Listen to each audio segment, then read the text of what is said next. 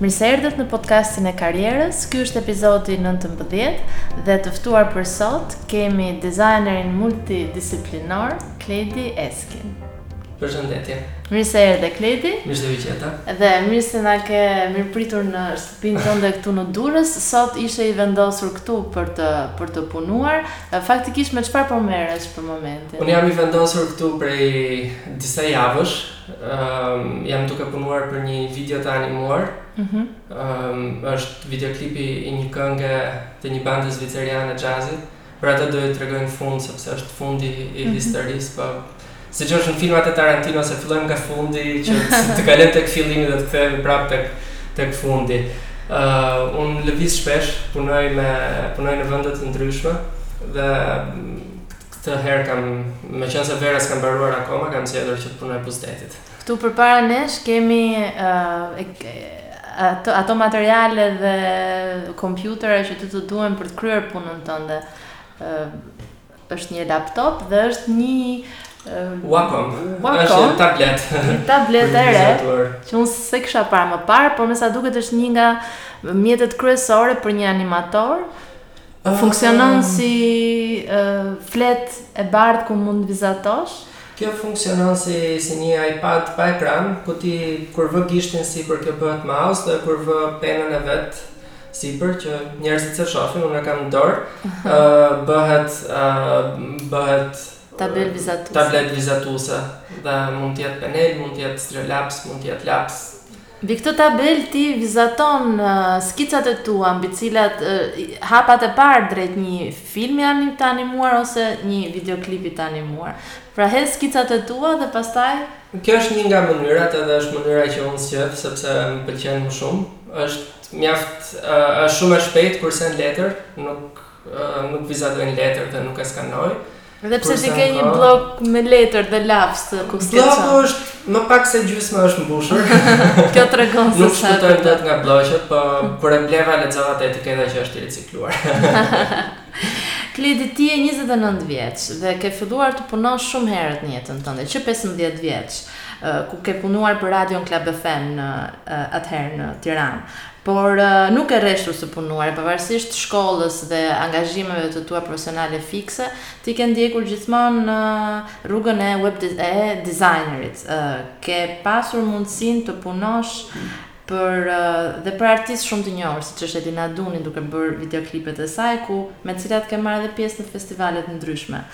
Por Na trego pak më shumë për këto vitet e hershme të jetës tënde, kur ndoshta fillove të afeksionoheshe me me vizatimet ose a ka pasur diçka që të tërhiqte atëherë që ka lidhje me punën tënde sot? Historia ime në fakt fillon në vitin një mijë e nëntëqind e nëntëdhjetë e shtatë. Në në atë vit unë isha nëntë vjeç, siç e dimë të gjithë në Shqipëri kanë qenë kohë të vështira Ishte koha kur një fëmijë nëntë vjeç duhet të mbyllej në shtëpi. Motra ime ishte adoleshente dhe kishim shumë kohë për MTV, kishim shumë kohë për të parë videoklipe. Po. Dhe ë pas pyetjes së dytë që ishte çfarë po ndodh dhe kur do mbarojë, pyetja tjetër ishte që si i bëjnë videoklipet. Dhe mbi të gjitha ishte një videoklip që që më linte pa gjumë duke menduar, ishte videoklipi i Madonës ishte Frozen. Ah, ka qenë një video që ajo ngrihej në ajër, pastaj si zogi zikë. Po, pastaj binte, shndërrohej në në, në grumbull sorrash, pastaj i binte shalli, shalli bëhej ujk. Aha. Dhe dhe pyesja veten që si e bëjnë në atë kohë në në Berat, jam rritur në Berat. Mm -hmm. Kishte vetëm kameramanë dasmash që punonin me videokaseta dhe nuk më dilnin llogaritë si mund të bëhej. Më vonë pastaj kuptova që bëhej në kompjuter. Ca kohë më vonë Berati kishte vetëm dy kompjutere, një prej tyre ishte i familjes sime. Uh huh. E shifja atë kompjuterin e hapja nuk kishte asnjë s'kishte asnjë mënyrë se si mund ta bëja këtë gjë në PowerPoint apo në Word. Dhe kështu filloi një një një kurreshtje që do më rikthehej më më pas, më vonë. Por u rrita duke menduar që do bëhesha arkitekt, po. sepse në familjet shqiptare tradita është që fëmijët shohin profesionin e prindit të tyre. Im atë ishte është inxhinier ndërtimi. Mm -hmm. Por unë nuk e shifja veten dot inxhinier ndërtimi. Mm -hmm. Dhe gjëja e dytë më e afërt, më afërt mes inxhinierisë dhe artit është arkitektura. Po. Kështu që uh, vite më vonë u futa në arkitekturë, um, studiova deri në fund. Mm -hmm. Por gjëra ndodhnin paralelisht, si me thënë, kur isha uh, adoleshent, qe koha e radiove të para po. dhe vitet kishte, vitet 90 fundi viteve 90 mm -hmm. kur kur u hapën 3-4 radio private në të njëjtën po, kohë po. dhe mbaj mend që të gjithë njerëzit jo vetëm unë po të gjithë njerëzit dëgjonin shumë radio flisnin për radion Muzika e gjitha dëgjohej në radio. Muzika e gjitha dëgjohej në radio. Po njerëzit telefononin nëpër konkurse, fitonin një qese kafe. Po, po. Dhe kërkonin këngë se s'ka patur YouTube dhe një këngë për ty. Ka qenë po, ka patur shumë programe të tilla dhe gjëja që ishte më më intriguese për mua ishte që të gjithë ata që që ishin prezantues në atë kohë kishin filluar që 13 vjeç. Dhe unë isha duke shkuar drejt asaj moshe dhe ishte viti kur ne lëvizëm për në Tiranë mm -hmm. dhe mendova që ok, tani është mosha duhet ta bëj patjetër sepse nëse nuk e bëj 13 vjeç këtë gjë, uh, do m'ikin vitet, mm -hmm. s'do s'do s'do bëj dot atë që kam dëshirë. U deshën 2 vjet, Tentova me radio më të madhe, nuk më eci. Tentova me radio më të vogël, nuk i gjeta adresën. Dhe dhe shkova pastaj tek një nga më të mëdhatë, që ishte Club FM dhe dhe atëherë e mbaj mend isha në prag të heqjes dorë nga nga nga ëndrra ime për për t'u marrë me radio. Mm -hmm. Dola nga shkolla atë ditë, lashë çantën tek uh, ime më dhe uh, vendosa të shkoj vetë tek zyra, trokita në derë, Ti do shkoje si çfarë apo thjesht të filloje? Unë do shkoja të trokisja dhe të thosha që kam dëshirë që po. të që të flas në radio, mm -hmm. sepse kështu mendoja që mund të funksiononte në atë moshë. Dhe fati im ishte që në recepsion përveç sekretares ishte edhe drejtori po, i radios.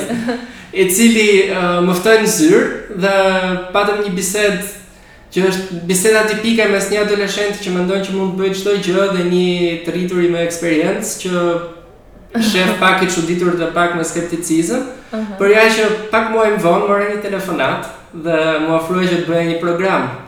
Wow. Po, bëra një program dhe kuptova që uh, nuk ishte për mua. Pse? nuk ishte për mua sepse programi ishte për futbollin, unë nuk dija asgjë nga nga, nga futbolli.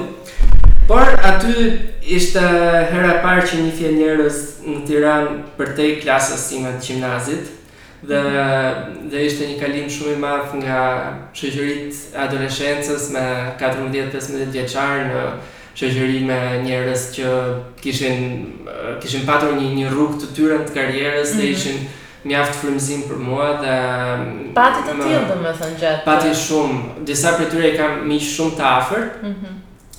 Dhe kanë qenë gjithmonë orientim dhe këshillë. Mhm, mhm. Sepse një gjë është që prindërit janë shumë të rëndësishëm kur je duke u rritur, por gjithmonë të duhen dy tre koordinata të ndryshme për të për të gjetur për të gjetur rrugën, të mesmen e artë. Për të gjetur të mesmen e artë.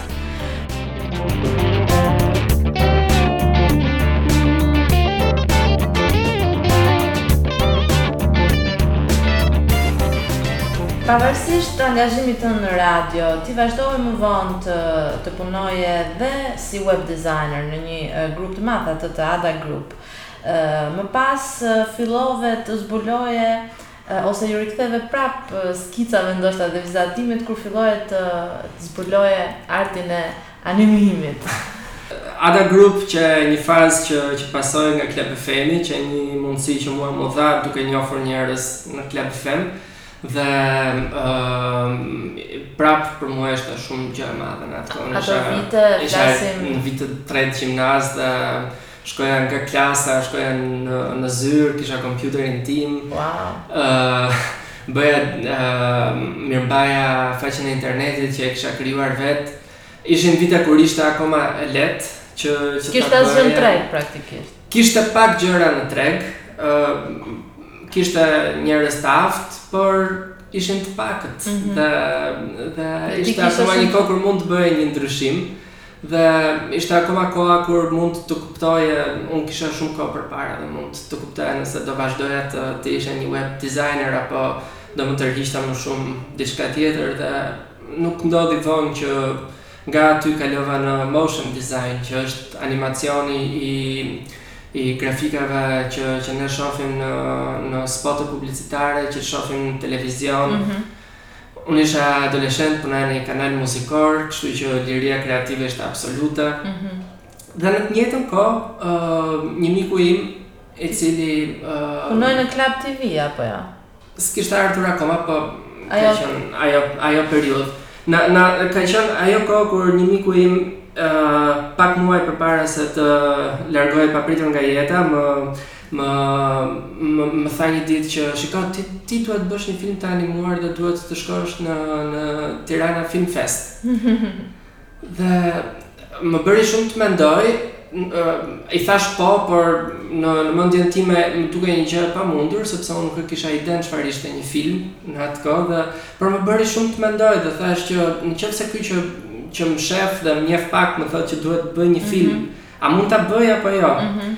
Dhe qe një, qe një, një, një, një sfidë, qe një rrugë që unë e mora, pa e ditur ku do dilja, mhm. por uh, po, u vetëmësove, u vetëmësova, mm, përdora nocione që i kisha mësuar pak nga pak, dhe e bëra këtë film, pastaj bëra edhe një tjetër, pastaj fitova edhe një çmim, në Tirana Film Fest dhe gjërat filluan të lëviznin dhe vetëbesimi im filloi të ngrihej. Ti ishe vetëm tetëmbëdhjetë, nëntëmbëdhjetë vjeç në këtë periudhë. Isha nëntëmbëdhjetë vjeç në këtë. Domethënë ti ishe kaq i ri ndërkohë kishe pasur kaq shumë eksperienca dhe e kishe testuar veten në disa në disa forma të dizajnerit. Prandaj po. quhesh edhe sot multidisiplinar, sepse ti zhvillon websajte, merresh me animacion, çfarë anësh të tjera ka një dizajnator?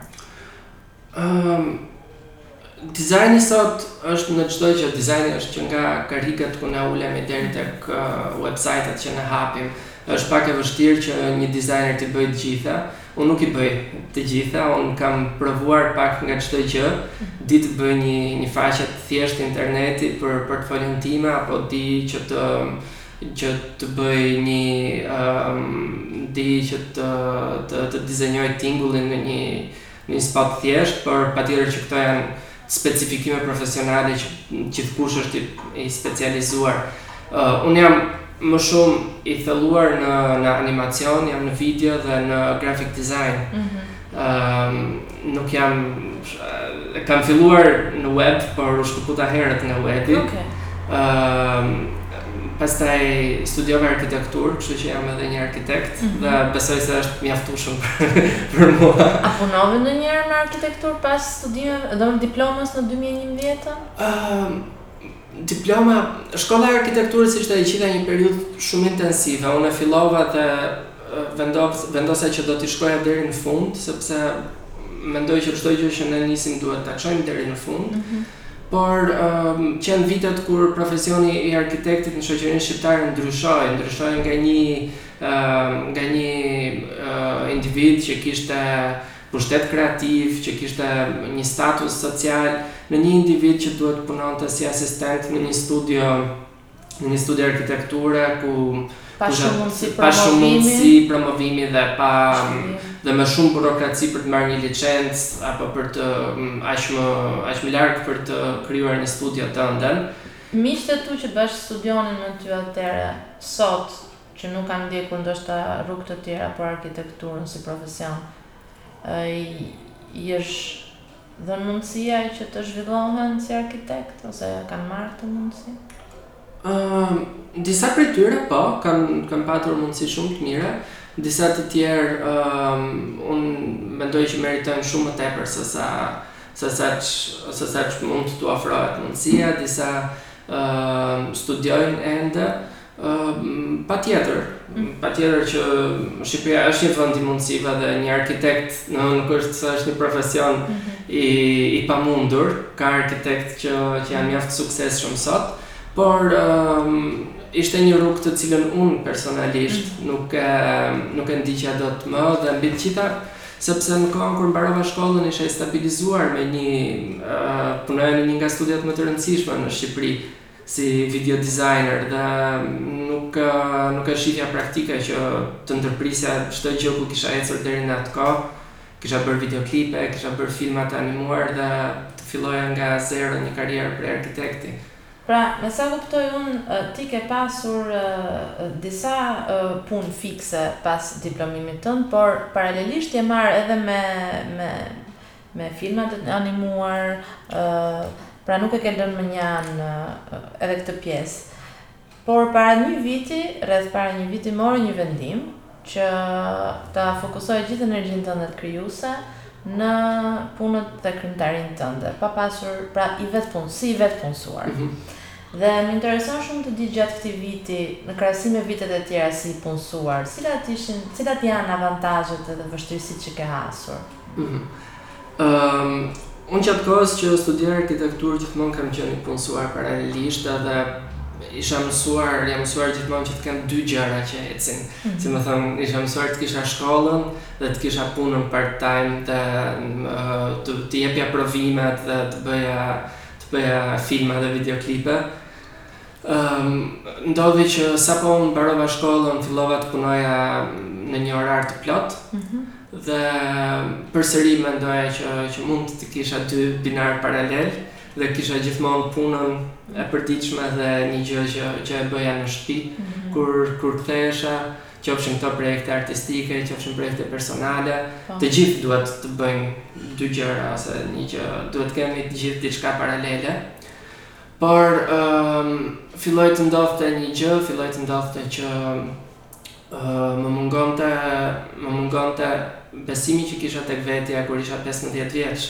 Mm. Kur ti punon ditë për ditë dhe kur je 9 me 6 diku, Ti nuk mendon më të mundshëm skenarin që të trokasësh në një derë dhe të thuash që si je, unë dua të bëj këtë gjë dhe dua ta bëjmë bashkë sepse kam besim që kjo gjë do funksionojë. Mhm. Sepse kur je i punësuar diku, e vetmja derë ku ti mund të trokasësh në orar të punës është dentisti, në qoftë se duam të jemi realistë. Po. Dhe për më tepër që ë jeta ime ishte shumë e ngarkuar me punë. Sepse kisha gjithmonë një detyrë shtëpie, si mhm. me thënë. Jam kishte edhe një faktor tjetër që për mua është mjaft i rëndësishëm dhe është lëvizja. Unë jam një natyrë që më pëlqen të jem në vende të ndryshme dhe të jem i rrethuar me njerëz të ndryshëm mhm. gjatë kohës që punoj. Mhm. Këtë kam përshtypjen që e kam marrë në shkollë, e kam mësuar në shkollë sepse shkolla jonë ishte një ambient që kishte shumë studentë për për mm -hmm. hapësirat që na jepeshin dhe rreth vitit të tretë të gjithë merrnim nga një laptop dhe koha jonë menaxhohej pastaj në një mënyrë shumë fluide. Për shembull, um, ka patur raste që unë isha në 3 të mëngjesit në një bar me laptop duke punuar projekte. Po. Ka patur raste që që kam qenë figurant në një film duke punuar projekt diploma me laptop. Si me thënë, dhe më pas isha mësuar me këtë, me këtë lëvizshmëri, kam punuar efekte vizuale në plazh, në Dhërmi. Mm -hmm. Kështu që në, në, në kohën që puna e zyrës po bëhej diçka që nga unë kërkonte fokusimin absolut, më duhej Patjetër që të merrja një vendim si i rritur dhe të mendoja që nuk i mbaj dot më dy kunguj nën një sqetull, nuk mund të bëj edhe këtë edhe atë gjë.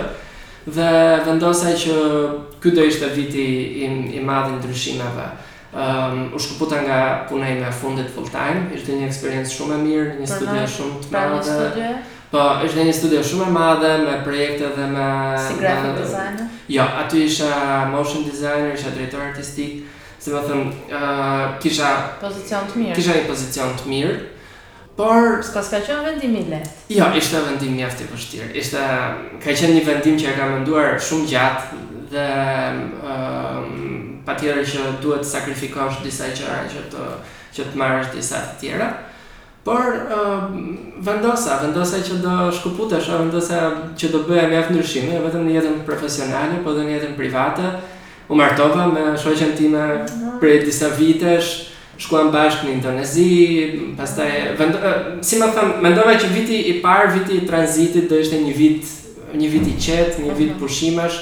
Dhe ashtu nisi, ishim në Azi, pastaj shkuam në Lisbonë, pastaj i preva flokët, ngjyrosa, shkuam në festivale roku bashkë. Viti i ndryshimit. Dhe viti i ndryshimit, por pa mbaruar vera, uh, mora një mesazh një ditë, ishte një djalë, një muzikant një muzikant do thosha folk jazzi dhe thotë që hey, ne jemi një grup nga Zvicra, kemi parë videoklipin që ti ke bërë për Elina Dunin. Po. Dhe uh, kemi bërë një këngë dhe do nxjerrim një album. Ky është linku që që ne kemi në Dropbox. Nëse je interesuar, të lutem na shkruaj. Aha. Uh -huh. Dhe ja ku jemi sot në Durrës. Uh, un jam këtu prej disa javësh, siç thashë në fillim të intervistës. Dhe jam duke punuar për këtë video të animuar, e cila del në në tetor. Për mua është hap shumë i madh, jam duke bërë gjëra që më përpara i kam pas menduar të pamundura, si nga ana teknike ashtu edhe nga ana artistike. Ëm um, jam duke marrë përsipër um, të gjitha rolet kreative, që nga mhm. shkrimi i historisë mm -hmm. deri në realizimin final të animacionit. Mm -hmm. Dhe afati është mjaft i shkurtër. Mm -hmm Por të punuarit në në lëvizje dhe mbi të gjitha të punuarit në Durrës tani në një kohë kur këtu është bosh dhe nuk ka më që të sqarojmë dëgjuesit se nuk jemi në Durrës në qytet, po jemi jemi në shkëmbin e Kavajës ku deri para një jave ishte plot me e mbipopulluar dhe tani është shkretëtirë. Dhe është periudha më e bukur e vitit. Vërtet. Dhe punoj këtu, kam një kam një rutinë ditore mjaft të qetë, por mjaft cilësore. Kam shumë pak kohë të lirë, por ajo kohë e lirë është kohë kur mund të notoj ose mund të eci zbathur buzë detit. Në orën 6 e gjysmë pasdite çdo ditë e kam të rëndësishme që të të marr laptopin dhe të shkëmbej emaile përjashta, sepse është perëndimi i diellit. Dhe pastaj pjesa tjetër është. Nuk e lë pa shijuar perëndimin. Mendoj që është këtu, është falas, është çdo ditë. Ë siç thon, asnjë perëndim nuk është njësoj me tjetrin dhe un kam filluar që ta kontrolloj këtë gjë. Jam duke dal çdo ditë. Deri tani ka qenë ndryshe, nuk ka patur dy perëndime njësoj. Por jam këtu me laptopin tim, një ditë tjetër do jem diku tjetër.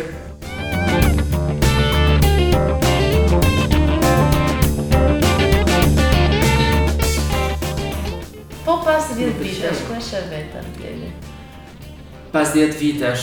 5 deri në 10, nuk po ta vërtet. Idealisht në Bali. Oh, jam shumë dakord. Idealisht në Bali, përsëri duke duke punuar me me njerëz në distancë tani po bëhet mjaft e lehtë që njerëzit të punojnë online me njëri-tjetrin me me miqtë e mi shpesh e diskutojmë këtë koncept madje ka edhe terma për këtë ka digital nomads që janë njerëzit që që udhëtojnë dhe dhe dhe punojnë në rrjet dhe punojnë kudo dhe kjo do jetë një alternativë mjaft e mirë. Por ë uh, siç thash ky është opsioni ideal. Nëse plani B pastaj do jetë një zyrë në, në qendër të Tiranës, aty ku janë gjithë kolegët e mi. Kështu që të shofim, të shofim, do punoj për këtë, për planin A. Dhe pyetja e fundit se fatkeqësisht po e fundit është Për për të rinjtë që po na dëgjojnë, se edhe ky podcast është për ta. Të cilët janë atë moshën e vendimeve të rëndësishme që fatkeqësisht ne i marrim shumë herët në mhm. jetë. Ë, çfarë do i këshilloje duke njohur pak tregun ose shumë, duke njohur këtë profesion dhe duke parë potencialin dhe mundësitë ose pamundësitë që janë në Shqipëri, si do i këshilloje për për dizajnin. Unë gjithmonë e mendoj këtë që çfarë do t'i thosha një të riu, unë jam shumë i ri për vete, ëh, Po me shumë eksperiencë pune. Është është një një farë eksperience. Ëh, e para që të rinjtë dhe dhe si duke futur këtu dhe veten që vazhdoj të ndihem i ri, Kanë një frikë nga vendimet dhe dhe e shmangin marrjen e vendimeve dhe unë them që kjo është një gjë e mirë. Ëm por duhet të kemi të gjithë parasysh që asnjë vendim nuk është final. Unë mendova që do bëhesha arkitekt, por jam sot duke duke bërë diçka tjetër dhe po, dhe mendova që dhe mendova që do do ngrija një karrierë duke punuar në një në një rrogë komode, në një zyrë komode dhe dhe prap ndryshova edhe nga kjo. Kështu që vendimet duhen marrë siç uh, duhet duhet bërë gjëja që që që ti mendon se është e drejtë në atë moment. Ë uh, për sa i përket pyetjes së dytë në lidhje me dizajnin dhe tregun, unë preferoj që zgjedhja e profesionit të mos jetë e orient të mos jetë një zgjedhje që që ka të bëjë me tregun. Tregu gjithmonë ka për të patur hapësirë për njerëz të aftë, qofshin këta dizajnerë apo apo roje private. Synimi nuk është që që neve të të bëjmë punën që na paguan më mirë, synimi është që të bëjmë gjënë që dimë të bëjmë më mirë. Dhe pastaj mundësitë do vijnë vetë. Si me thënë, unë nuk kam aplikuar asnjëherë për një punë, mua më kanë ardhur gjithmonë vetë mundësitë dhe jam shumë i lumtur dhe mendoj që është fat shumë i madh.